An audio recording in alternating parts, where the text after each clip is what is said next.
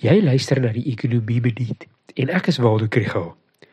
Hierdie is 'n lekker week vir aanwysers en vandag wil ek vinnig vertel hoe Absa en die Buro vir Ekonomiese Onderzoek se aankope bestuurdersindeks en Naamsaf se voertuigverkope in Julie maand gelyk het. Hierdie episode word ondersteun deur die NWI Sakeskool. Ek sê altyd dat aankope bestuurders indekse is belangrike leidende aanwysers omdat 'n maatskappy se aankope bestuurder nogal vooruit moet kan dink.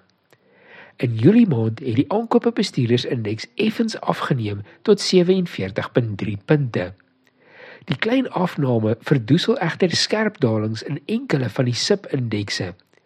Die besigheidsaktiwiteitsindeks het met 11 punte afgeneem na die toename in beurtkrag in Julie maand.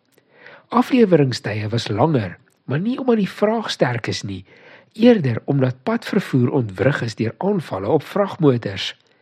Nuwe bestellings was ook minder.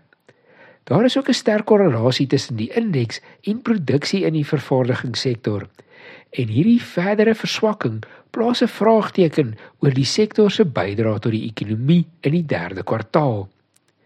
Die impak van hoë rentekoerse op binnelandse vraag was ook duidelik te sien in Julie maand se voertuigverkope.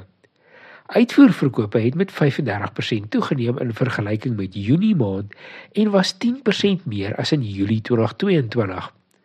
Maar binnelandse verkope was meer as verlede jaar, maar met amper 3400 eenhede laer as verlede maand. Die afname in verkope was hoofsaaklik in passasiersvoertuie en medium kommersiële voertuie. Sommer as 'n kantnota kan ek noem dat Fitch gister die Amerikaanse staatsskuld afgegradeer het vanaf AAA na AA+. Ongelukkig verswak die rand-dollar wisselkoers ook en daar is nie 'n duidelike sneller in die nuus wat dit kon veroorsaak nie.